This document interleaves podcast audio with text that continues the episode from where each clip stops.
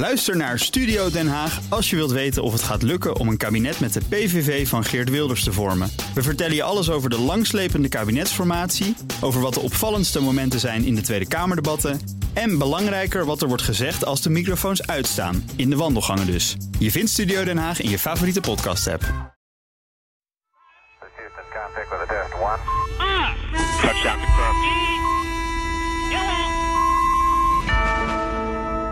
Welkom bij Space Cowboys. Ik heb geteld, nummer 46. Kijk, nu weten we het. Dat is Juri, Juri Nortier. Hoi. Hi. Welkom. Luc van der Nawelen Ik ben er ook weer. is er ook weer. Geweldig. En we zitten bij elkaar.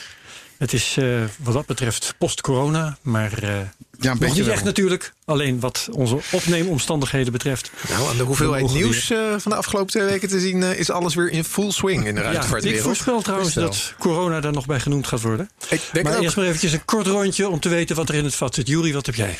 Nou, waar ik het in ieder geval over wou, zou, zou willen hebben is eh eh of Baidu. Eh, ik weet niet precies hoe je het uitspreekt. Maar dat is eh, de Chinese variant van GPS. Die is af. Aha, Laten we het daar eens over hebben. ja. Ehm, ik wil het ook hebben over eh, 5G. Wat voor effect dat heeft in Amerika op de satellietboeren daar. En eh, misschien om, eh, om af te sluiten ook nog iets over eh, kleine microsatellieten... die gelanceerd gaan worden vanuit, Euro, vanuit eh, Guyana. Goed zo. Dat eh, zijn mooie onderwerpen alvast. Luc? Eh, Een opmerkelijke eh, vacature van SpaceX. Ehm, ze zoeken eigenlijk zeevaarders. Nou, dat is wat ongebruikelijk. Verder heeft NASA een nieuw hoofd voor hun bemande ruimtevaart gevonden. En er zijn wat meer details bekend geworden over het nieuwe Russische ruimteschip, de Oriol, die uiteindelijk de Soyuz moet gaan vervangen. Veelzijdig. Ehm, ik heb de James Webb Space Telescope, die weer is uitgesteld, niet gelanceerd gaat worden in maart 2021. Eh, intussen een eh, behoorlijke tien jaar achter op schema. Om van het budget maar te zwijgen, daar komen we zo over te spreken. Eh, en er is een nieuwe speler op het gebied van ruimtetoerisme. Kijk, Ja, zal ik straks goed. allemaal verklappen. Jury, jouw eerste onderwerp. zullen we het hebben over Baidu? Het Ja. Chinese Ik ben GPS-systeem. meteen geïnteresseerd om allerlei redenen. Eh, Liggen ze voor op Europa bijvoorbeeld, op Galileo? Maar Nee, ook nee, Galileo is inmiddels ook af. is af. Ja. sorry, dat heb ik Nou, we, hebben nu, we hebben nu eigenlijk drie volledige GPS-systemen in de wereld. Mhm. Uh, We hadden natuurlijk al tijdenlang eh, GPS, het Amerikaanse systeem, wat eigenlijk al sinds eh, nou, de jaren 70, jaren 80 eh, operationeel is en wat constant wordt aangevuld. Een jaar geleden, twee jaar geleden, was Galileo, het Europese eh, navigatiesatellietsysteem, eh, eh, online gekomen. De, de vraag die ik daar dan meteen over heb is: oh ja, wie gebruikt dat dan? Kan ik dat gebruiken? Maar Ja, volgens mij inmiddels zijn de meeste mobiele telefoons ook klaar voor Galileo. Ehm, dus als je GPS gebruikt op je, op, je, op je telefoon, dan kan die ook gewoon Galileo erbij pakken. En sinds eerder deze week is eigenlijk Baidu, eh, de Chinese versie van, eh, van GPS of van eh, Galileo, is inmiddels ook online. Want de laatste satelliet die nodig was om de hele constellatie compleet te maken, die is afgelopen maandag gelanceerd en is op weg naar zijn finale plek in de ruimte. en is dat dan de laatste van het hele stel of de laatste die nodig was om een werkend systeem te Het is de creëren? laatste van het hele stel. Kijk, Oké. in de toekomst zullen er nog veel vaker lanceringen komen voor Baidu. Want de constellatie moet natuurlijk geüpdate worden. Er moeten gewoon nieuwe satellieten gelanceerd worden... om ervoor te zorgen dat alles gewoon volledig blijft. En ehm, het is nu compleet. Dus de, ook de Chinezen hebben nog een, eh, een, een, Ja. een belangrijk systeem. Ik moet er trouwens bij zeggen, we missen er nog eentje. Rusland. Rusland heeft Ja. namelijk ook een werkend satellietnavigatiesysteem. GLONASS heet dat. Ehm, is een tijdje geleden, is eh, eigenlijk al sinds de jaren 80 eh, operationeel. Toen begin 2000 eh, liep het even niet zo lekker qua funding voor dat systeem. Aantal satellieten nam terug. Wereldwijde dekking liep ook terug. Was op een gegeven moment incompleet. Maar sinds een jaartje of vijf, zes hebben ze dat ook weer aangevuld. En is dat ook operationeel. Dus we hebben er vier op dit moment.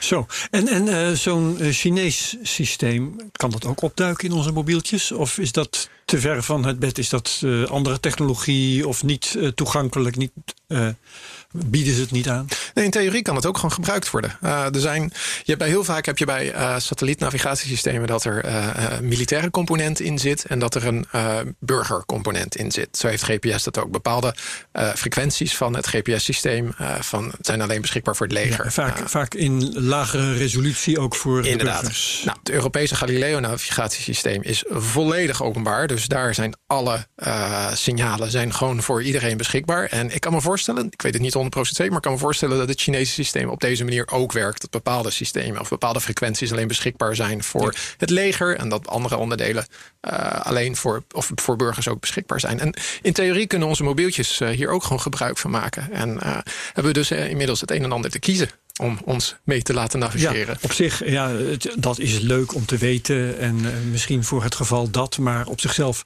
GPS werkt altijd. Nou, het werkt dus Nee. altijd in vredestijd. Op Ja. het moment dat Oh, eh, onverhoopt eh, Amerika ergens ontzettend de oorlog eh, gaat lopen stoken, is het maar één, één knopje indrukken en wij hebben helemaal niks meer. Dan hebben zij de volledige bandbreedte over. Dus ja, het verbaast mij eigenlijk dat er in Europa niet een hele brede roep is naar de bevolking van, en naar, naar de leveranciers van, Kies van voor. Galileo. Kies voor Galileo, want dan ben je altijd van nauwkeurige data. Ja, dat was natuurlijk ook de hele reden om Galileo op te zetten. Om niet meer 100% afhankelijk te zijn van de Amerikanen. Want het is niet alleen dat we het gebruiken voor Google Maps. Eh, stel, alle pintransacties eh, moeten ook voorzien worden van een GPS-stamp erop. Eh, anders zijn ze niet valide. Dus stel, er is opeens geen satellietnavigatie meer. eh oftewel, die, die systemen vallen uit. Dan is ook onze pintransactiesystemen werken gewoon helemaal niet meer. Nee. dus het is nog best wel een flinke impact die het kan Ja. hebben. En juist om die redenen hebben, ook, heeft ook China ervoor gekozen om een eigen systeem in het leven te roepen. waardoor ze niet meer afhankelijk zijn van de Verenigde Staten voor hun navigatiesystemen. Ik kan op mijn mobieltje alleen maar bij locatie aan of uit kiezen.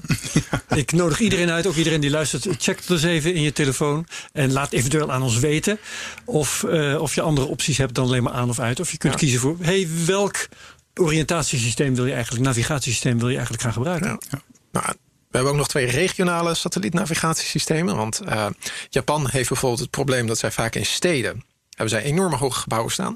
Waardoor eh, de huidige systemen niet altijd even goed werken. Dus ze hebben een paar extra satellieten gelanceerd die specifiek boven Japan zitten. En die eigenlijk de bestaande satellietnavigatiesystemen verbeteren.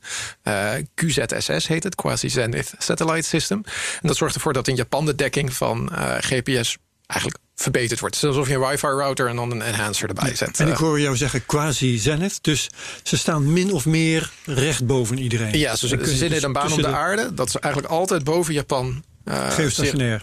ze zichtbaar zijn. Ja, semi-geostationair inderdaad. Ja. En eh, India heeft ook zijn eigen systeem. eh, Indian Regional Navigation Satellite System volgens mij. Eh, het zijn ook een stuk of zes satellieten die ervoor zorgen dat in India de dekking juist weer perfect is. Eh, dus ook geavanceerder dan wat GPS tot nu toe Ja, daar kan bereiken. Mooi, mooi verhaal. Dat is het. Wat, Wat GPS betreft, onderdeel eh, betreft, ja, en precies. navigatiesatellietsystemen lijkt me dit eh, voldoende. Ja. Leuk. Ja, nou ja, het is, het is wel weer eh, een van de, van de vele eh, lanceringen van China. Het is werkelijk, je kan geen, eh, geen weken Ja. eh, eventjes niet kijken of ze hebben weer iets omhoog geschoten. En overigens, eh, dat zullen we ook in de show notes erbij zetten. Eh, dit was ook alweer een spectaculair einde van deze lancering. Want eh, deze werd gelanceerd vanuit Xishan. Eh, dat is een, lanceerbasis midden in China. En elke keer als daar iets gelanceerd wordt... dan eh, worden de lege rakettrappen eh, worden gewoon ergens boven land gedropt. Oeh, dat heb ik gelezen. Ja, ja. En afgelopen maandag kwamen er ook weer beelden naar buiten eh, van lokale mensen die daar eh, aan het filmen waren. En wat we op die beelden zagen was een groot waterreservoir met een eh, berg erachter. En op die berg was net een deel van de rakettrap naar beneden gestort. Dus je zag die berg gehuld in een oranje mist. En en die, die rakettrap die had net niet het waterreservoir geraakt. Die oranje mist is overigens zeer giftige brandstof. Ja, ja, ja. Is dat niet hydrazine? Eh, het is, heeft daarmee te maken. ja. U, U, UMDH of UDMH is het volgens mij. Ook in de zaad is een bepaald soort hydrogen-achtig spul. Ongelooflijk giftig. Zeer effectief, dat wel. Hm. Ongelooflijk giftig. Dit is niet wat je in je waterreservoir wil hebben... of wat je midden op je graanschuur eh, wil hebben. Maar het gebeurt dus nog steeds in China. dat, ja, ja. dit Nou, soort lege rakettrappen gewoon midden op het land laten ja, vallen. ja, en dus gewoon vlakbij bewoonde gebieden. Dat is, dat is wel opmerkelijk. Eh, eh, het Westen eh, ja, zegt daar al jarenlang iets over. Van ja, dit kan je toch eigenlijk niet, niet doen. Maar het, het, het blijft gewoon doorgaan. Heel opvallend. Ander aspectje nog van, de, van deze lancering, ook visueel. Ehm, ze hebben vanuit de derde trap het ontplooien van de zonnepanelen van die satelliet eh, gefilmd. Volgens mij voor het eerst dat we echt een Inderdaad. live lancering hebben mee kunnen maken van de, van de Chinezen. Ja, voor een normale normale missie in ieder geval. Voor Ja. de maanmissies en de bemande missies hadden we dat al. Maar meestal kregen we pas achteraf wat beelden te zien. Ja, nu konden we gewoon live meekijken. En dit, eh, ja, dit, nou ja, dit zie je ook niet zo vaak. eh, niet verschrikkelijk spectaculair, maar het eh, geeft je in ieder geval eens een, een klein beetje een beeld van wat er allemaal nog gebeurt als zo'n lancering er eenmaal op zit. Dus eh, ja, was ook opvallend. Luc, jouw onderwerp. Ja, ehm, SpaceX heeft een eh, vacature voor een offshore operations engineer eh, geplaatst. Nou, dat klinkt een beetje, een beetje gek. Eh, SpaceX is van plan om lanceercomplexen op zee te gaan eh, eh, bouwen. Ik dacht even dat het ging om het laten landen van de eerste trappen. Weet je wel, nou, dat, eh, dat, waarschijnlijk gaat het, eh, gaat het hier inderdaad eh, om eh, eh, de aanstaande toekomst eh, voor, eh, eh, voor SpaceX. Als eh, inderdaad Starship eh, eh, gaat vliegen. Ehm, eh, Elon Musk heeft natuurlijk al eens gezegd van die raket wordt ook voor point-to-point transport eh, geschikt. Eh, dus gewoon eh end omhoog vliegen eh, en eh, een paar duizend kilometer eh, verderop weer, eh, weer landen. dus van New York naar Londen in een uurtje of zoiets Ja, de- dat soort gein. En ja, als ze dat vanaf mobiele eh, platforms op zee gaan doen, dan kan je dus van overal naar overal vliegen. En eh, ja, misschien heeft dat wel heel veel te, te maken met het business model eh, wat, eh, wat Elon Musk najaagt. Dat is natuurlijk niet alleen maar spullen naar de ruimte sturen, maar ja, eh, op deze manier kan je je Amazon eh, eh, bestelling wel heel erg snel in, in huis hebben als het een klein beetje, beetje mee zit. Ehm, dus ehm, ja, ze willen een, een, eh, eh, een aantal eh, lanceercomplexen op zee gaan, gaan maken. Nou, daar hebben ze dus wat specialisten voor, voor nodig. Mensen die al ervaring bij SpaceX hebben. Die staan bovenaan het, het lijstje van gedroomde kandidaten. Maar er staat dus wel bij: must be willing to travel. Ja, dat is niet zo gek als je op zee eh, werkt, maar ook must be willing to work significant overtime. Oeps, Eh, ja. Nou ja, dat is eh, wat ik al jaren hoor. Dat, 16 uur per dag of meer. Ja, precies. Ja. Eh, eh, ehm, Een beetje regime Mentaliteit. Ja, ja, precies. Nou ja, goed. Er wordt, er wordt gekscherend, gekscherend wel gezegd dat SpaceX een prima werkgever is als het gaat om flexibele uren. Je mag echt helemaal zelf uitkiezen welke 80 uur je wil, wil werken.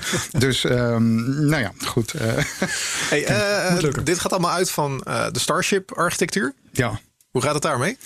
Ehm, gisteren hadden we weer een boom te pakken. Jazeker. Eh Star, Dat ik, Ik heb, ik heb was het een, een, een, onbedoelde boom. Of een onbedoeld eh, hopje was het Ja, volgens ja, mij. ja, ja, inderdaad. Eh, hij sprong eventjes van zijn, van zijn launch mount af. En, kwam Terwijl dat niet eens de bedoeling was. Nou, niet de bedoeling ehm, eh, om het allemaal lekker verwarrend te maken. Dit was Starship number 7. Nummer 5 en 6 die staan nog in de hangar. Eh, die zijn dan inderdaad, nou ja, zeg, zeg maar zo'n volledige pijp. Deze nummer 7 was alleen maar een, eh, een kleine testtank ehm, om een nieuwe legering eh, eh, uit te, te proberen. Die nog net iets beter bestand zou zijn tegen de diverse extreme omstandigheden die die raket straks eh, moet, eh, moet overleven. En een paar weekjes geleden eh, hadden ze dit ding ook getest. En toen ehm, eh, kwam er ook ineens aan de bovenkant een rookwolkje uit. Dat hoort niet zo bij raketten. Maar dit bleek inderdaad gewoon een klein gaatje te zijn. Dat hebben ze dichtgelapt. En gisteren was de test inderdaad van... nou, eens even kijken tot hoe ver die het houdt. En eh, als het goed is, is die tot, eh, tot zo'n 8 atmosfeer eh, eh, gekomen. Maar het was inderdaad een eh eh fail to destruction eh, test. Dus dit was het eh, ehm, Aha, eh, dus verwachte eindresultaat. Een, een, precies, een test waarbij je net zo lang doorgaat tot die kapot gaat. Ja. Precies, om hij te ging, kijken. En hij ging nu volgens mij aan de onderkant kapot. Waardoor je een soort van unintentional of een onbedoelde Ja. raket Ja. creëert. Ja, En we zagen hem. Ja. Je, we zullen de beelden ook delen. Je ziet hem even de lucht ingaan. En Ja, vervolgens weer eh, na een paar meter eh, ter Ja. aarde storten. Er wordt, er wordt al gesproken over Hopper Junior. Ja. Dus, eh, eh, ja. Maar goed, eh, ja, het, het lijkt nog steeds goed te gaan. Kijk, het tempo waarin ze die, die, eh, die dingen eh, bouwen is, eh, is onzagwekkend. En eh, ik denk dat we eh, ja, binnen een maandje eh, toch wel een, eh, een proefvlucht kunnen eh, eh, verwachten. Gaat er dan heel gek uitzien. Eh, want eh, ehm, het eerste vliegende exemplaar wordt maar met één hoofdmotor uitgerust. Terwijl er normaal drie onderpassen. Eh, ze laten er dus nu inderdaad gewoon twee weg. Dat betekent dus dat die raketmotor niet precies in het midden van de onderkant Juist, zit. oké. Dus het ding zal waarschijnlijk dan een beetje zijdelings eh, wegvliegen en ook schuin landen. Dus het wordt, eh, als je met ruimtevaartogen daarnaar kijkt, wordt het een, een vreemd eh, eh, ge- geheel. Maar het, Ja. ja, het wordt steeds, steeds spannender. Het komt Ja. steeds dichterbij allemaal. Entertainment gegarandeerd. Dat zeker. Ja, oké. Ehm, nou, dat kun je niet zeggen van die James Webb Space Telescope. Als je van drama houdt. Als je van drama houdt, misschien weer wel. Het is, het is cliffhanger na cliffhanger. Helemaal Hollywood. Ja. Ja, gaat, Beter, gaat soap gaat gaan we niet krijgen. Misschien straks met de leiding van NASA. Dat was ook een beetje een soap. Ja, Ja, nogal. ja, ja. Hij zou in maart 2021 gelanceerd worden. Hij is al eh, ongeveer een decennium achter op schema. En die maart 2021 gaat toch weer niet door. Eh, is eh, van de week bekendgemaakt ehm, door eh, Thomas Zurbuchen, als ik het goed uitspreek. Het is een duidelijk Duitse naam die ik voor de zekerheid maar op zijn Amerikaans uitspreek. Ehm, die is. ehm, Even zien waar het staat. Space Agency's Associate Administrator for Science. Nou, dat zal dan wel. En de reden is eh, voornamelijk, als ik eh, hem mag geloven, corona. Ja, Ze ja. hebben eh, tijd Gaan we, nu, gaan, we, gaan we nu alles horen? Gaan we nu altijd horen bij elke vertraging? Je hebt een andere theorie? Nee, nee, nee. Volgens, Oh, ja, nee, volgens mij Ja. klopt het deels wel. Want het ding Ja. moest natuurlijk getest worden. En om te testen eh, heb je gewoon mankracht nodig. En dat was er nu Precies. niet. Alles ging naar eh, Dragon Demo 2 en eh, de Mars rover die er nu aan, aan zit te komen. Ja, nou goed. Ehm, wat ik ook, waar ik echt met mijn oren van stond te klapperen toen ik dat las, dat is dat, eh, dat die oorspronkelijk begroot was op 1 miljard dollar. En in die tien jaar hebben ze duidelijk niet stilgezeten, want het budget is intussen opgelopen tot eh, bijna 10 miljard. Echt.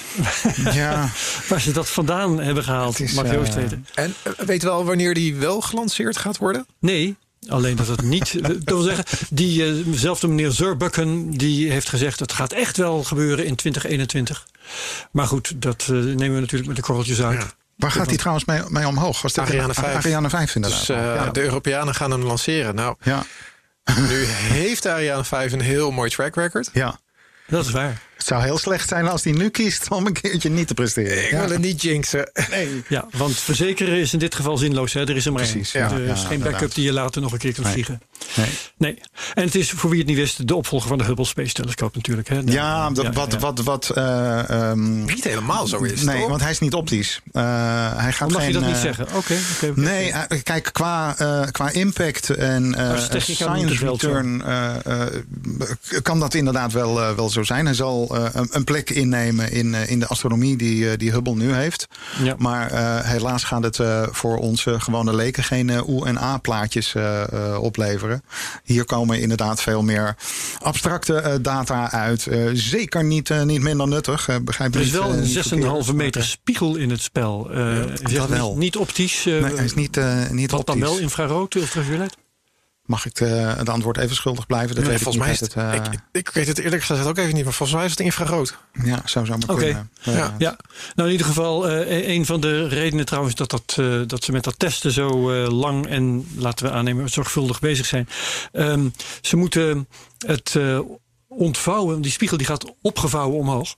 En het ontvouwen van zo'n spiegel, ja, dat moet getest worden. Eh, dat is natuurlijk niet eenvoudig. Het moet, dat moet gaan gebeuren in gewichtloosheid. Je kunt het alleen maar testen. eh, ja, of met zwaartekracht of tijdens van die hele korte paraboolvluchten. Ehm, en wat ik wel, eh, ook iets waarvan ik denk, dit kan niet goed gaan. Ehm, de, de procedure van dat ontvouwen kent 300 single points of failure. Zo. Dus het Ja. is een ketting van 300 gebeurtenissen die allemaal goed moeten zijn. Oef. Heb je dan een kans van 99% dat elk daarvan goed gaat? Dan Dan kom je, nog. ik heb het nog even niet uitgerekend, maar eh 99% tot de macht 300.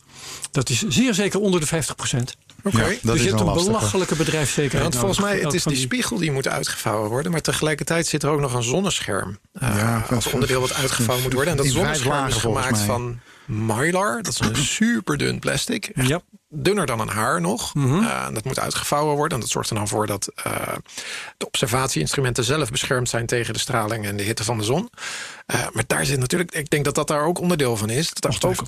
Ja, in dit geval veel momenten dingen mis kunnen gaan. In Ja. dit geval missen we dus de Space Shuttle enorm. Ehm, eh, het zou zo handig zijn geweest dat dat ding opgevouwen eh, zou zitten in de laadruimte.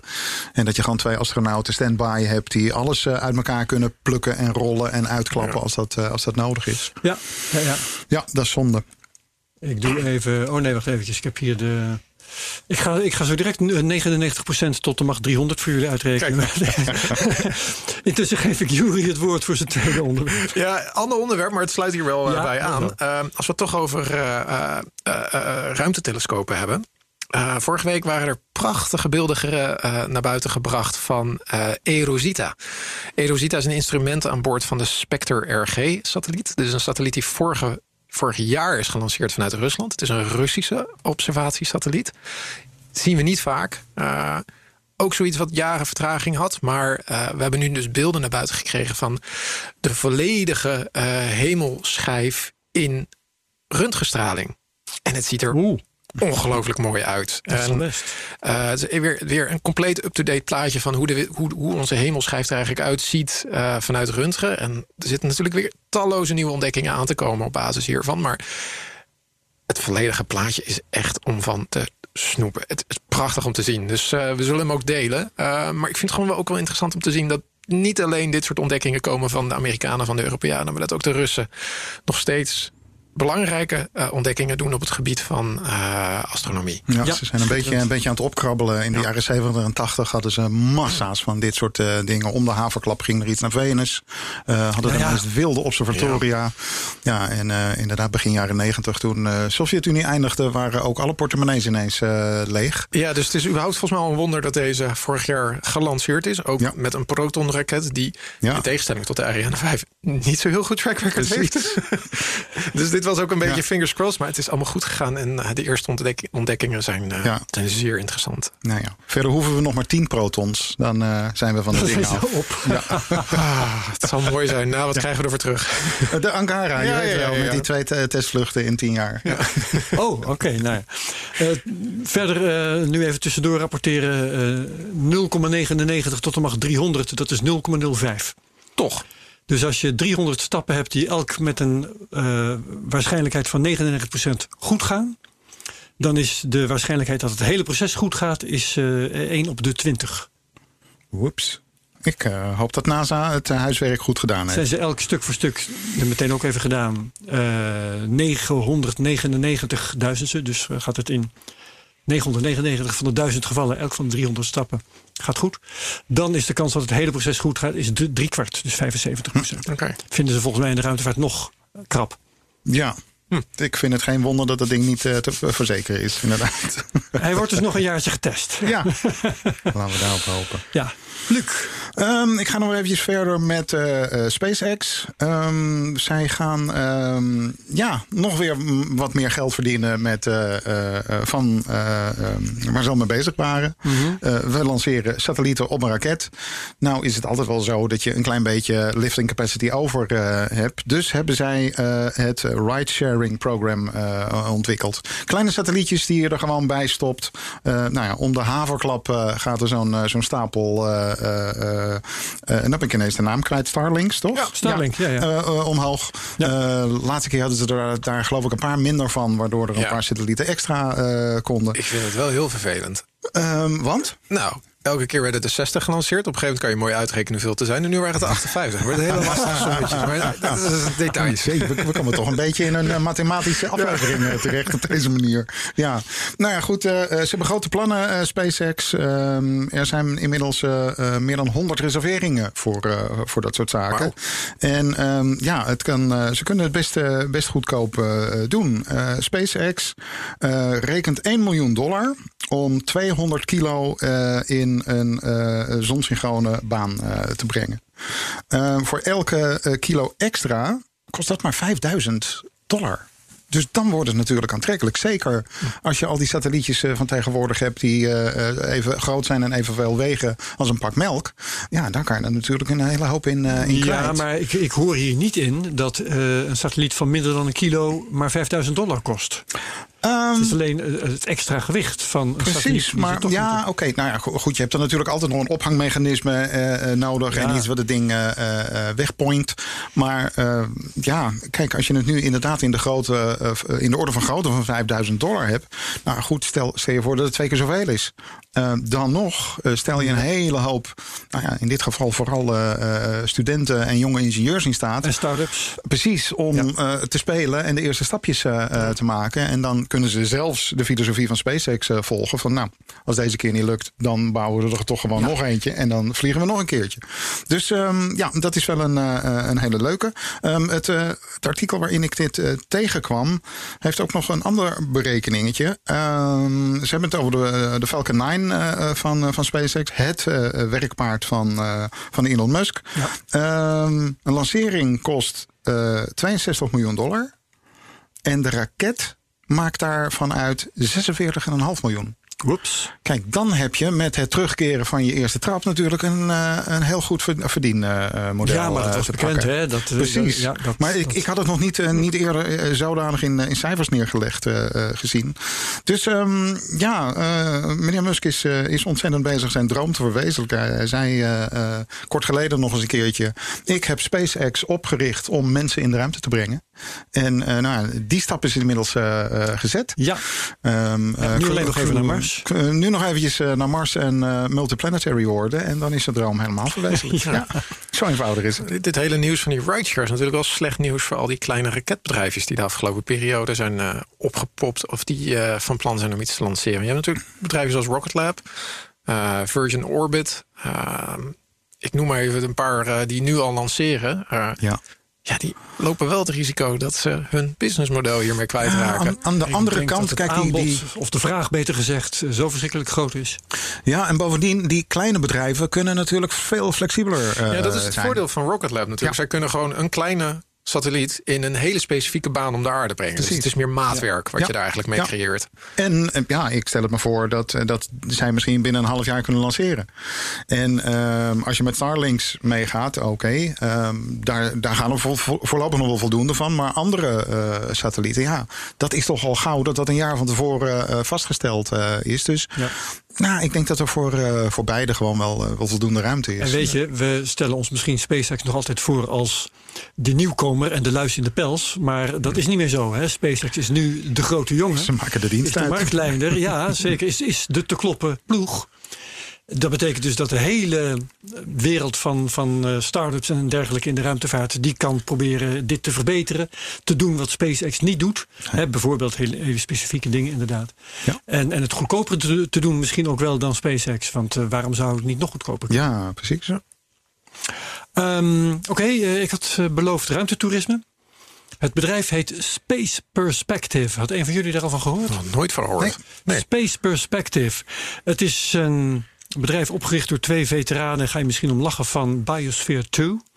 Mensen die echt zelf in die broeikas in Arizona hebben gezeten.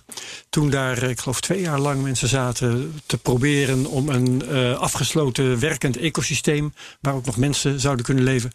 eh, van de grond te krijgen. Precies, proberen. Ik kan me de berichtgeving naar de hand nog herinneren. Ze kwamen er half verhongerd uit. Ja, en dat er toch bleken er wel foto's te zijn van een achterdeurtje wat even open ging om toch wat, wat spullen aan te voeren. Ja, en dan weet ik veel zuurstof naar binnen te laten. Dus, allerlei, op allerlei manieren is er vals gespeeld. Maar het was wel een heel leuk en belangrijk Dat experiment. zeker. Je moet ergens beginnen, zeker. Ja, ehm, maar Space Perspective, eh, die smokkelen trouwens ook, want het gaat om ballonvluchten. Eh, wat ik heel intrigerend vind, eh, de ballon zal gevuld worden met waterstof. Oeps. In de berichten die ik erover heb gelezen, onder andere bij Space.com en ik dacht ook bij The Verge, ehm, wordt er helemaal niks over gezegd. Dat verbaast me echt. Dat verbaast mij Want ook, iedereen ja. heeft meteen het beeld voor zich van die Hindenburg die uh, Ja, ik wou net vragen, waar was die mee gevuld? Eh, waterstof, toch? Ja, waterstof is hyperbrandbaar. Ja, maar ja, er wordt ook gesproken over eh, eh, autobussen en personenauto's op waterstof. Dus Ja, maar dan heb je ik tenminste zal nog wel iets gemist hebben. Ja, ja, precies. Dit is gewoon een, een, een dunne zak vol met Ja, dat spul. en het wordt een hele futuristische ballon. Met een, nou goed, de beelden is natuurlijk altijd reclame, dus daar wil ik niet al te lang bij stilstaan. maar die zul je in de show notes wel tegenkomen. Ehm, een gondel eh, die natuurlijk zo afgesloten is, als maar, wel- want we gaan naar 30 kilometer hoogte. Hè? is en dat presenteren behoorlijk. ze dan als space, maar dat is het natuurlijk niet, weten Nee, nee, jullie en ik. Want eh, ruimte, nou, afhankelijk van je definitie, begint op kilometer of 80, 100 of daaromtrent. Hè? En eh, 30 kilometer is dus echt nog stratosfeer. Ja, Aan de andere kant, Eh, je hebt dan, als ik het bericht mag geloven, 99% van de atmosfeer onder je. Ja, dus Dat is wel een leuk idee. de hemel is knetterzwart De hemel is zwart. en je ziet de de kromming. is krom. Precies. dan- Exact. En dat is toch al heel wat. Eh, ze bedoelen eh, de passagiers het overview effect te laten zien. Hè? En dat is dus de blik op de aarde, waardoor je denkt van jemig, eh, we zitten toch echt op een planeet met z'n allen.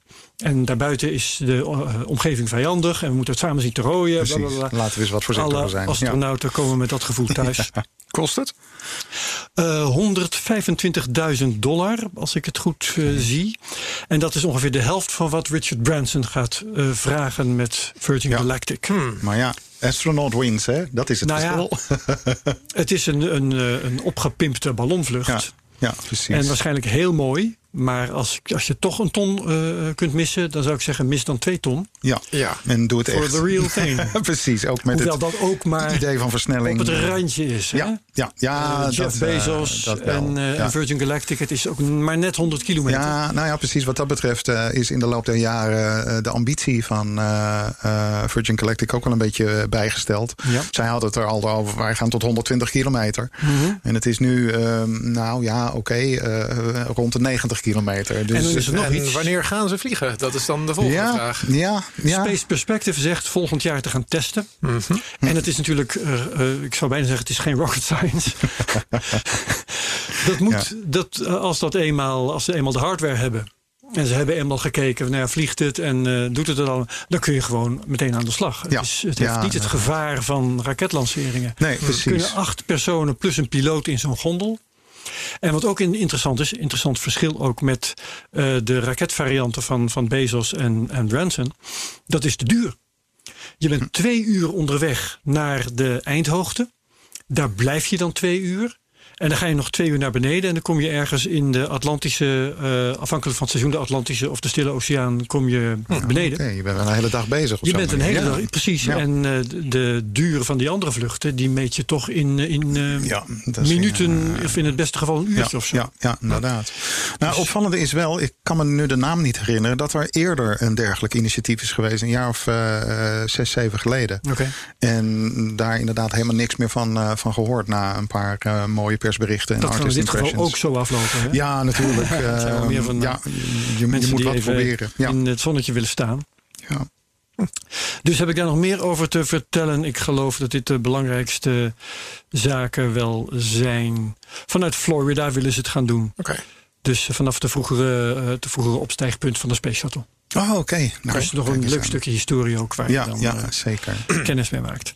Ja. Goed, dat is het. Jury, nog meer? Ja, ik ben vandaag van de bruggetjes. Want eh, als we het toch over ruimtetoerisme hebben. ehm, eerder de- deze week kwam Virgin in het nieuws. Mhm. Eh, nou, we hadden het net al besproken. Virgin biedt eh, de mogelijkheid aan om met een raketvliegtuigje even een tijdje buiten de atmosfeer. op eh, 90, 100 kilometer hoogte. Met gewichtloosheid in dat met geval. gewichtloosheid. Ja, ja, En, ja. nou, je krijgt gewoon de full, de full space experience daar. Ja. Ehm, ze zijn al een tijdje bezig. Volgens mij de eerste vlucht tot 100 kilometer was al in 2004. Een paar jaar geleden hebben ze pech gehad. Omdat er een eh, vlucht echt compleet misging. En eh één astronaut, of een van de piloten, eh, daarbij om het leven kwam. Ja.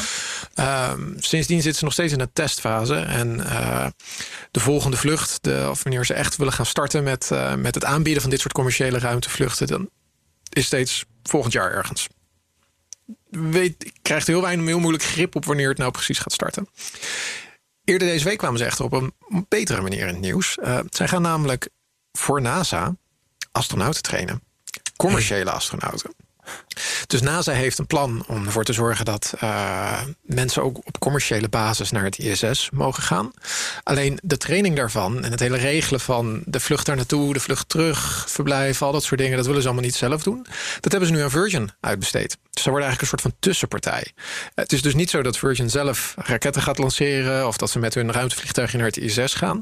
Virgin wordt gewoon verantwoordelijk voor het hele proces van iemand komt binnen, zegt ik wil naar het ISS, ik heb daar 15 miljoen, 20 miljoen eh, voor over. Eh, regel het maar voor me. En eh, Virgin is dan ook de partij die dus dat hele proces gaat Ik, ik, begeleiden. ik wilde eigenlijk mijn verbazing erover uitspreken dat ze dat aan Virgin uitbesteden. Want hoe kan een bedrijf dat nog nooit zelf gevlogen heeft opeens nou, astronauten? dat was precies mijn idee hier ook bij. Ik dacht, Maar deze astronauten zijn natuurlijk niet mission critical.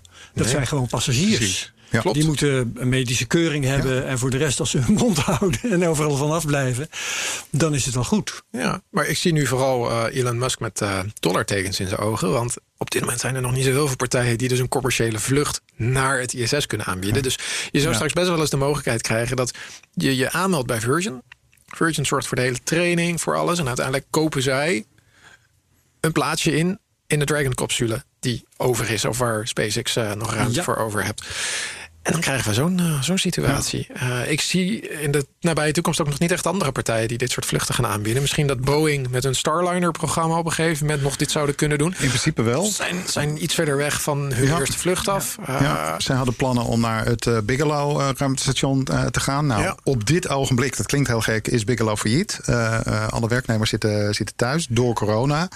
Eh, totaal onduidelijk of die nog weer eh, eh, op, op gang Ja. gaan, eh, gaan komen. Dus nee, eh, eh, Boeing heeft straks ook gewoon een commerciële capsule. Ja, en, en we hebben natuurlijk ook nog Axiom Space. Axiom wil eh, eigenlijk een, een uitbreiding van het ISS maken... Waar het, wat een soort van ruimtehotel wordt. eh, zodat ze hun eigen modules aan het ISS kunnen koppelen... en daar ook astronauten naartoe kunnen sturen. Eh, ruimtetoeristen ook. En ze hebben al een vast contract voor volgens mij eind volgend jaar, eind 2021, om eh, met een Dragon-capsule mensen naar het ISS te brengen. En natuurlijk ook Space Adventures, dat is een bedrijf wat de Russische Soyuz-plaatsen verkoopt. Die zijn ook nog steeds. Maar eh, Virgin gaat dus nu als een soort van bemiddelaar hier tussen zitten. En als trainer hier tussen zitten. Ik vond het een interessante ontwikkeling. Zeker ook omdat Ja. Virgin zelf nog geen enkele ruimtetoerist in een baan eh, om de aarde heeft gekregen. Laat staan eh, dat ze daar in de buurt zijn. Maar ze gaan dus nu straks wel aan de slag als, als tussenpersoon. Ja, Ja, ja, en maar- alle miljardairs eh, willen natuurlijk. Het wordt een statussymbool bij jou geweest. Ja, nee, zeker. Nou ja, die, eh, die, die inschrijvingslijsten zijn ontzettend vol. Dat, Ja. eh, Ja. dat is zeker waar. Ja. Nee, het opvallende in, in dit geheel is inderdaad wel dat NASA zich een, een beetje anders begint te dra- gedragen dan, dan vroeger. Kijk, op het moment dat eh, eh, zij eh, SpaceX in de arm namen om vrachten naar het eh, eh, International Space Station te gaan, te gaan doen, eh, hadden zij een ervaring van vier lanceringen, waarvan er drie waren mislukt. Eh, op het moment dat ze de Crew Dragon eh, opstarten, eh, had Falcon 9 inderdaad een aantal keren succesvol gevlogen. Maar ja, de, de, de aanleiding om het vertrouwen te hebben van nou, dan kunnen jullie dus ook bemande ruimtevaart aan. Ja, het was een enorme gok. Ja. Het betaalt nu wel, wel uit. En dat is natuurlijk wel, wel een, heel, een heel leuk gevolg van toch wat meer risico durven nemen. Ja. Ja.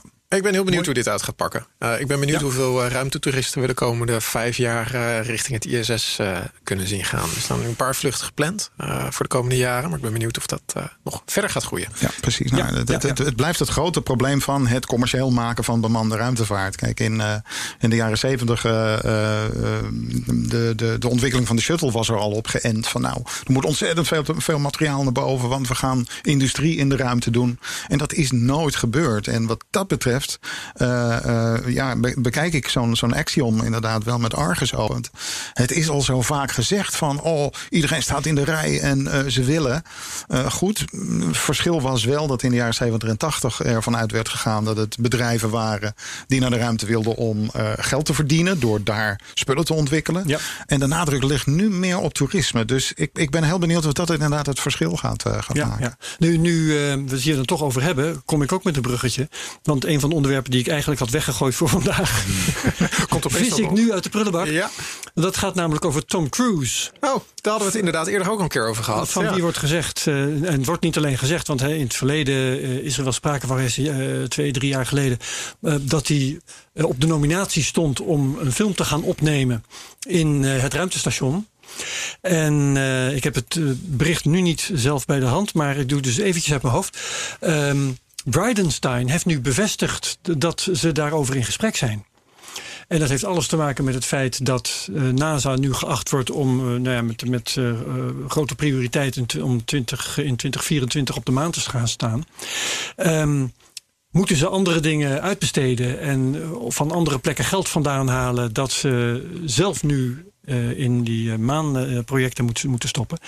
En dat betekent weer dat eh, ze met open armen elke partij ontvangen die geld oplevert. En eh, er is dus gewoon eh, achter Tom Cruise staat een filmmaatschappij, ik weet even niet welke het is. Die wil een film gaan opnemen. Er is een regisseur. En er is dus een serieus plan om binnen afzienbare tijd Tom Cruise naar het ruimtestation af te schieten. Compleet met een filmploeg, hoe groot die zal zijn, ik denk niet zo vreselijk groot, één of twee man. Ja. Ehm, om daar bepaalde shots te maken. En de eerste speelfilm te presenteren die op, eh, in de ruimte is, eh, is opgenomen. ja. Nou, dan heb Heel ik leuk. ook voor een bruggetje. Kom op. 2024, mensen op de maan. Ehm, NASA heeft een eh, nieuw hoofd voor de Hu- Human Exploration and ehm, Operations Office.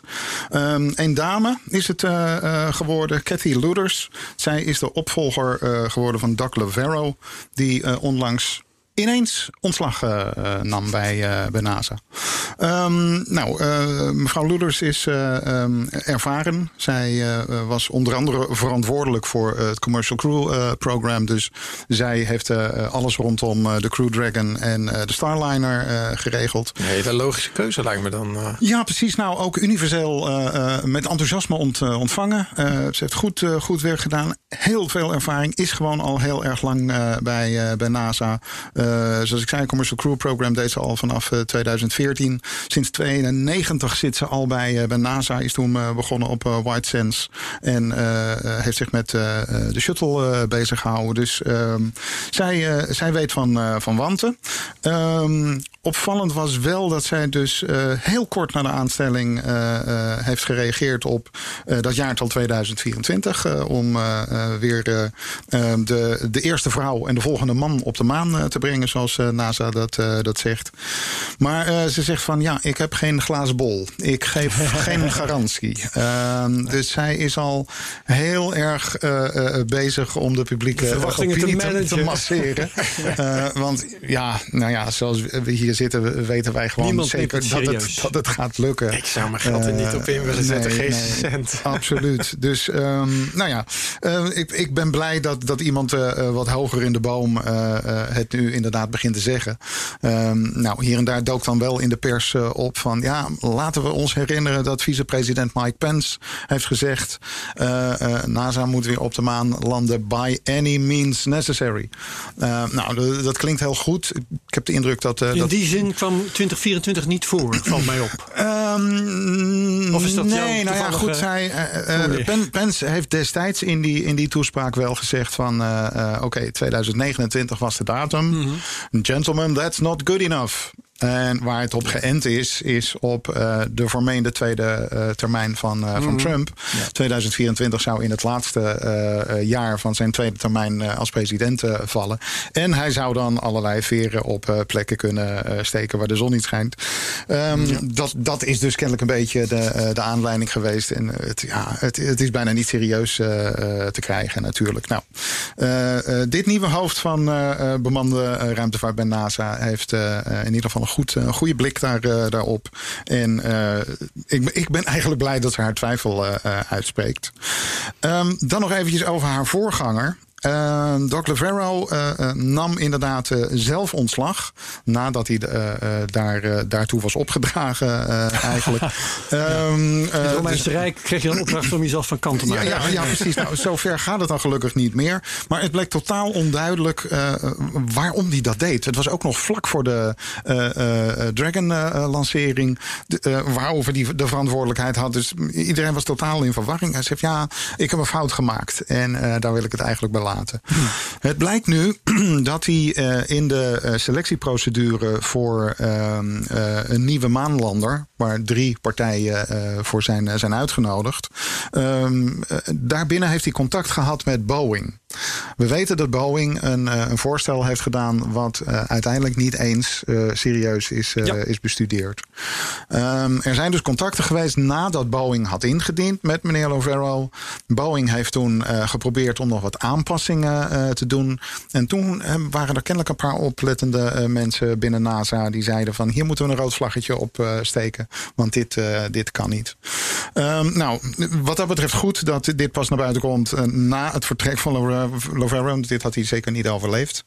Eh, helaas is het wel de zoveelste smet op het blazoen van, eh, eh, van Boeing. Ehm, eh, die Starliner die doet het al niet, eh, eh, niet lekker. Eh, ehm, nou, ze hebben een vliegtuig wat maar niet eh, veilig vliegen wil. Ja, maar alle andere Ehm, deugden niet. En, eh, en nu ook dit. Dus ehm, de kroonjuwelen behoren duidelijk niet meer toe aan, eh, aan Boeing. En Ja. dat was zo kort als drie jaar geleden nog wel het, eh, het geval. Die waren gewoon de grote baas. Eh, nou, wat ik eigenlijk nog vergeet, eh, SLS is eigenlijk ook een, een drama. Die raket had, had volgens mij ook al drie jaar geleden moeten vliegen. En we hopen nu dat hij dat volgend jaar gaat, gaat doen. Het is grappig hoe hier vanzelf een volgorde ontstaat. Ik ga nu even vertellen waar ik het vandaag niet over ga hebben. Ehm, dat is namelijk wat ik volgens mij twee weken geleden in de vorige aflevering heb aangekondigd. Space Force, de Netflix-serie met, eh, Jim, ehm, met eh, Steve Carell. Ja, ik had bijna Jim Bekend van Carrey The. Office. Precies, Steve Ja. Carell, eh, oh, Space Force. Ehm, dat, ik weet namelijk dat Thijs het daar heel graag over wilde hebben. En Thijs zou hier gezeten hebben, maar heeft geruild met, met Luc. En ik denk dus dat het het beste is om dat te bewaren tot over twee weken als Thijs er weer wel is. Ja, even huiswerk meekrijgen. Ik moet het nog even uitkijken, de serie. Ik heb een paar afleveringen gekeken. maar- Ik heb zelf meer dan de helft al gezien. Dat is genoeg om er iets van te vinden, volgens mij. Maar neem rustig de tijd. Ehm, het is in ieder geval dus een serie waarin de, de mechanismen die jij zo hier eh, vertelt, Luc. Onder andere met een president die met allerlei eisen eh, wappert. Precies, voortdurend via dat is, Twitter. Dat is eh, Goed hele materiaal voor een comedy. Dat denk ik wel. ja. aanwezig. Precies. Had jij nog wat, Juri? Ja, eh, we hadden het net over plekken waar de zon niet scheen. Ehm, Ja, laten we daar eens over verder. Daar heb ik nieuws over. nee, ehm, de Zuidpool van de maan. Daar schijnt de zon niet. Dat is eh, waar ik het over wil hebben. Oef, Ehm, gelukkig maar. Ja, het scheelt weer. Dit is weer eh, een zeer wetenschappelijk Ja. onderwerp. Ehm, we hebben het eerder ook een keer gehad over CLIPS, CLPS. Dat is een eh, initiatief van NASA... waarbij zij kleine bedrijfjes eh, subsidie geven om een maanlander te maken. Een maanlander die eigenlijk een soort van vooronderzoek moet gaan doen op de maan...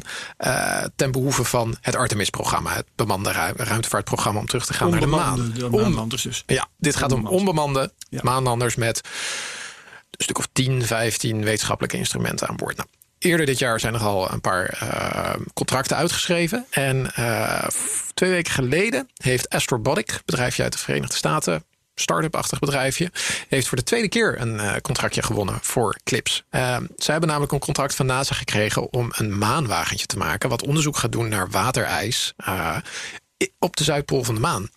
Ding moet in 2023 gelanceerd worden. en gaat daar dus rondjes rijden om op zoek te gaan naar water op de maan. Of er daar hoeveel er is, waar het uit bestaat. En of het misschien gebruikt kan worden Ja, hoe je het kunt winnen. voor het produceren van niet alleen drinkbaar water, maar ook voor brandstof. Om weer terug te gaan vanaf de maan. Of nog verder. of verder te gaan. Ja. Dus eh, lijkt me heel erg interessant. We, we, we hebben op basis van eh, metingen van Chandrayaan 1, dat is de Indiaanse satelliet die in 2008 eh, gelanceerd is, hebben we al gezien dat er iets van waterijs eh, op de Zuidpool van de maan is. We weten alleen niet welke kwantiteit, welke, welke, waar, waar het nou precies zit, eh, of het bereikbaar is. Eh, dat, Ja. dat weten we allemaal niet. Eh, maar dat gaan we dus met dit maanwagentje eind 2023 eh, misschien Ja, ik zal meteen eens even trouwens een, een, de- de, pret voor jullie bederven. En heel spellende gedachte in jou. Is, is er eigenlijk wel iemand die zich realiseert dat dit soort hulpbronnen, dit soort delfstoffen op de maan, dat die eindig zijn? Ja, als je, Ja. het, het zal niet overdreven veel zijn, de hoeveelheid water. En al- alles wat je Nou, gebruikt voor toch- brandstoffen, toch wel. dat komt nooit meer Nee, terug. nee precies. Ehm, Het kan ehm, op. Er is, en natuurlijk met een enorme slag eh, om de. Om de eh, ehm, hoe zeg je dat nou? Slag om de arm houden. Ja, precies. Ja. Ehm, zijn er wel berekeningen gedaan van, eh, oké, hoeveel is er daar dan eh, eh, Mhm. aanwezig? En NASA zegt van, het is echt zoveel dat het loont om daar een permanente basis eh, neer te zetten.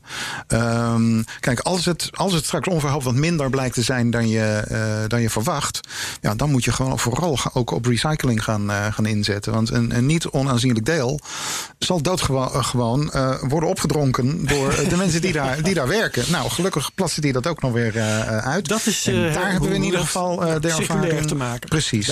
Desnoods kan je het water wat daarvan afkomstig is ja, ik kan me voorstellen dat er toch mensen zijn die daar niet eh, ontzettend van genieten als ze daar een slok van, eh, van nemen. Dat zou je dan kunnen gebruiken om raketbrandstoffen te gaan, eh, te gaan maken.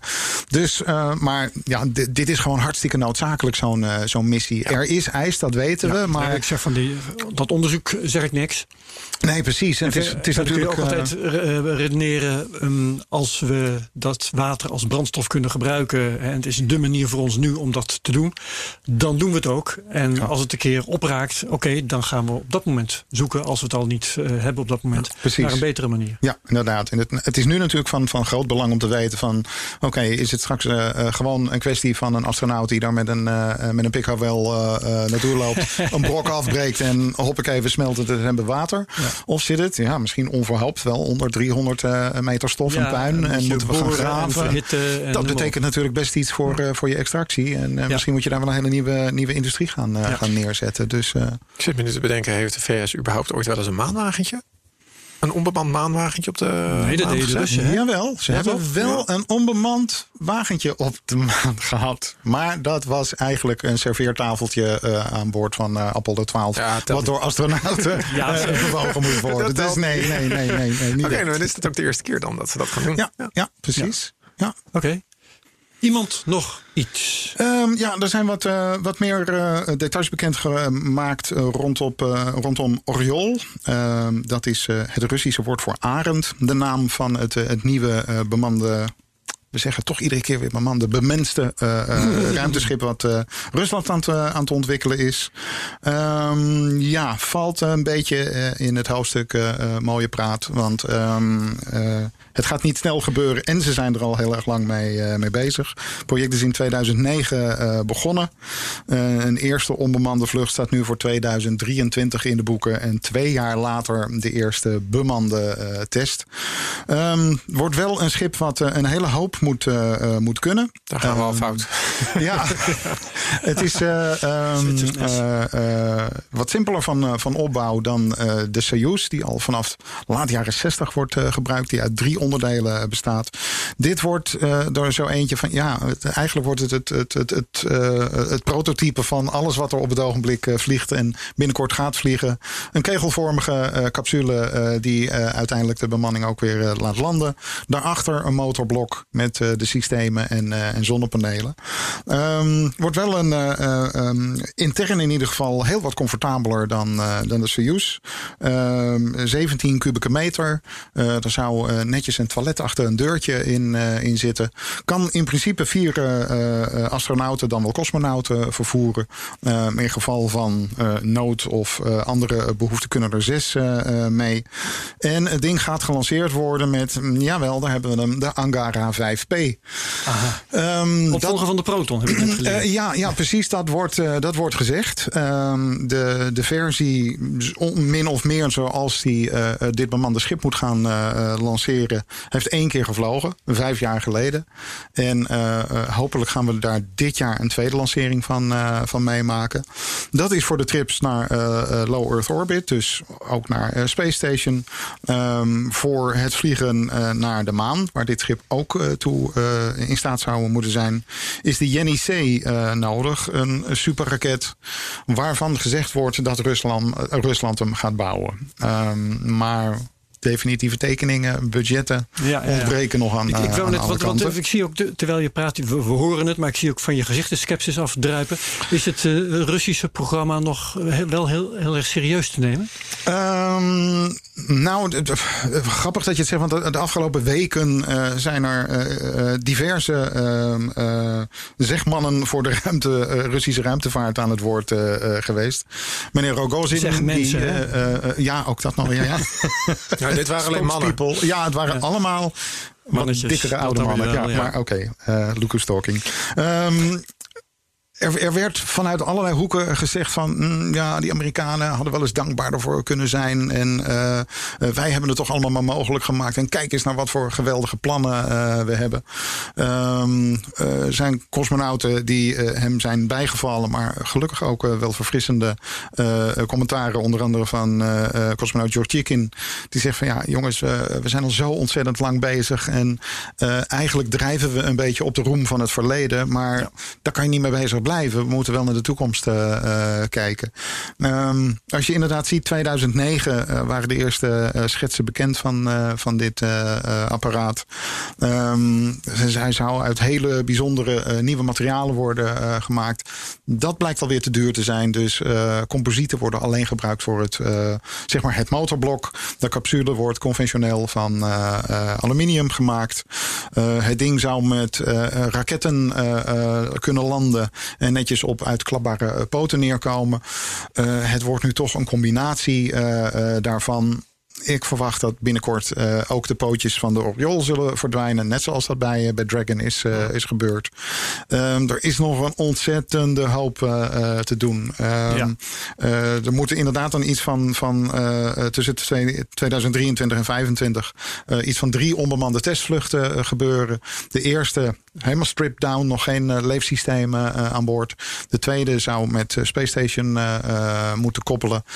Um, dus ja, plannen genoeg. Um, ik denk dat een heel groot probleem voor de Russen uh, gaat worden het wegvallen van de stoelen die NASA al ja, ja, ja, gekocht heeft. Ja, dat is toch een belangrijk onderdeel van het budget. Absoluut. Dat heeft uh, zeker Energia, uh, de, de, de bouwer van, van deze schepen en voor een heel groot deel van bemande ruimtevaartsystemen ondersteund. Dat valt weg en je ziet nu wel aan alle kanten de berichten van nee, Roscosmos gaat de Soyuz ook gebruiken voor, voor toeristen. Hebben ze natuurlijk al een, eh, een paar keer gedaan. Ze hebben al zes keer zo'n vlucht ja. uitgevoerd. En um, ja, het, het, leek er dus op dat de frequentie van de Soyuz van 4 naar 2 ging, ging terugvallen. Vanwege het op online komen van de Amerikaanse commerciële capsules. nu hebben ze het erover van elk jaar gewoon Soyuz met toeristen. Um, ja, dat, dat kan natuurlijk wel voor inderdaad het broodnodige ja. geld zorgen. Want, heeft, heeft um, Rusland eigenlijk een fatsoenlijke commerciële ruimtevaartindustrie? Nee, alles is recentelijk. Ze hadden ja. het ooit. Ja. Uh, na de val van de muur zijn heel veel van die bedrijven die zich bezighielden met de ruimtevaart zijn geprivatiseerd. Alleen je ziet eigenlijk dat vanaf 2009, 2010. Uh, toen is de United Rocket Corporation, uh, United Space and Rocket Corporation, is opgericht door Poetin. En dat is eigenlijk een soort van holdingorganisatie geweest vanuit de staat waar alle verschillende bedrijven weer onder zijn gehaald. Zelfs Roscosmos is daaronder gehangen. Een soort nationalisatieproces. Ja, en nu is eigenlijk de hele ruimtevaartindustrie is gewoon weer een overheidsindustrie dat geworden. Dat is niet bevorderlijk, denk ik, voor de innovatie. Nee, het, ging ook, het moest wel, want uh, de kwaliteit van wat er werd geproduceerd door die commerciële okay. bedrijven was echt ondermaats. en daardoor is er zeker vanaf tien jaar geleden is er gewoon ongelooflijk veel fout gegaan in de Russische ruimtevaart. hebben ze dus niet. Nee, nee, daar is gewoon het kapitaal niet voor beschikbaar in Rusland op dit moment. Nee, inderdaad, alles, uh, uh, nou, zeker wat betreft bemande ruimtevaart valt nu gewoon onder, uh, onder Roscosmos. En wat dat betreft zijn we weer terug bij uh, de constructie die er in, uh, in de Sovjet-tijd was, ja. jaren 60. Ja, ja je ziet het, het, het bedrijf. Afgelopen maand zagen we het ook weer terug bij. Um, we hadden op een gegeven moment hadden we Sea Launch. Sea Launch was een samenwerking tussen Boeing en volgens mij Energia. Energia in, ja. uh, in, uh, in, in, Rusland. En dat was een, uh, een, een project om vanaf een platform midden in de Stille Oceaan een Zenit-raket, een Russische raket te lanceren. Een Oekraïense raket. Oekraïense, inderdaad. ja, goed. Uh, ja, dat, dat zit ook een stukje van het Lastig probleem. In deze. Ja. Ja. Um, dat is in 1999 uh, begonnen. Dus ze hebben een uh, flink aantal communicatiesatellieten in een baan om de aarde gebracht. En dat ging eigenlijk prima. Zeker toen die samenwerking nog, nog goed was. Nou, die hele lanceermarkt is een beetje ingekakt. Uh, vervolgens uh, hebben een paar ongelukken gehad. Een paar ongelukken gehad. 2014 uh, kwamen er wat diplomatieke issues bij rond Krim. En uh, dat project is eigenlijk uh, ineengeklapt. zijn geen lanceringen meer. En wat toen gebeurd is, is dat de Russische overheid heeft dat hele project eigenlijk opgekocht. Die hebben een lanceerplatform, commandoschip en dergelijke hebben ze allemaal opgekocht. Dat is toen ondergebracht bij S7. dat is een commercieel Russisch bedrijf wat ook gewoon lijnvluchten in Siberië aanbood. Die eh, ze- zeiden toen van oké, we gaan dit overnemen. We gaan ook eh, communicatiesatellieten lanceren. En dat is dus nu in de afgelopen maand is dus gebleken dat dat hele lanceerplatform naar Rusland is versleept. En vervolgens is het nu genationaliseerd. Eh, S7 heeft ook aangegeven, ja, we hebben nu geen kapitaal meer om hier nog maar iets mee te gaan doen. Dus Russische overheid, neem het over. Ja, lastig, lastig detail is dat voordat het van internationale handen naar Russische handen overging, is alle apparatuur eruit gehaald. dus ze kunnen er op dit ogenblik ook niks mee. Nee. Dus vergt een enorme las- eh, investering om dat weer. Los van het eh, feit dat de raket die daarvan gelanceerd moest worden, die Zenit, is dus van Oekraïense makelij. Eh, daar gaan ze geen toegang meer toe krijgen. Nee. dus, die hele, Nee. dus er zou een nieuwe raket gemaakt moeten worden, die dan daarvan gelanceerd zou kunnen worden. Dat Ik kijk de kring rond. Wie heeft nog iets te bellen te brengen? Ja, misschien voor de komende periode. Het, ziet er, het is druk. Eh, Starlink-lanceringen die er weer aan zitten te komen. Eh, en misschien ook wel interessant is om te melden dat in de komende weken dat er vijf ruimtewandelingen plaats gaan vinden. Eh, volgens mij beginnende op de 24ste of de 25ste van juni. En daarna volgens mij elke week een nieuwe ruimtewandeling. Dat kan nu, want er zijn twee extra Amerikaanse astronauten naar boven gebracht door, door SpaceX. En wat zij gaan doen is in eerste instantie het vervangen van batterijen. Uh, die zijn net met een HTV in je Japanse capsule naar boven gebracht. En ze gaan oude nikkel-batterijen vervangen door gloednieuwe lithium-ion batterijen. Hetzelfde type als wat we in onze telefoon hebben. Zodat uh, die ook weer een paar jaartjes mee kunnen gaan. En Ja. beter de energie kunnen opslaan. En als laatste stukje gaan ze ook nog een stu- uh, wat wijzigingen doorvoeren aan de Columbus-module. Dat is Europa's module. De ESA-module die aan het ISS uh, vastzit. Dus uh, voor de liefhebbers van ruimtewandelingen wordt het weer een leuke maand. Visueel smullen. Ja. En daar kunnen we dan over twee weken weer over uh, gaan hebben. Dit was uh, Space Cowboys 46. Dankjewel Luc van der Nabede. Dankjewel Juri Nortier. Dankjewel. Mijn naam is Herbert Blankenstein. We zijn er op 8 juli weer met de volgende Space Cowboys. In een iets andere samenstelling. Maar verder gewoon zoals altijd. Tot dan. Dag.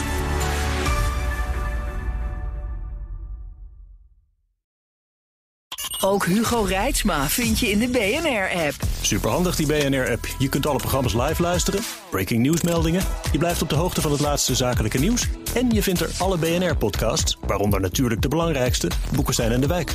Download nu de gratis BNR-app en blijf scherp.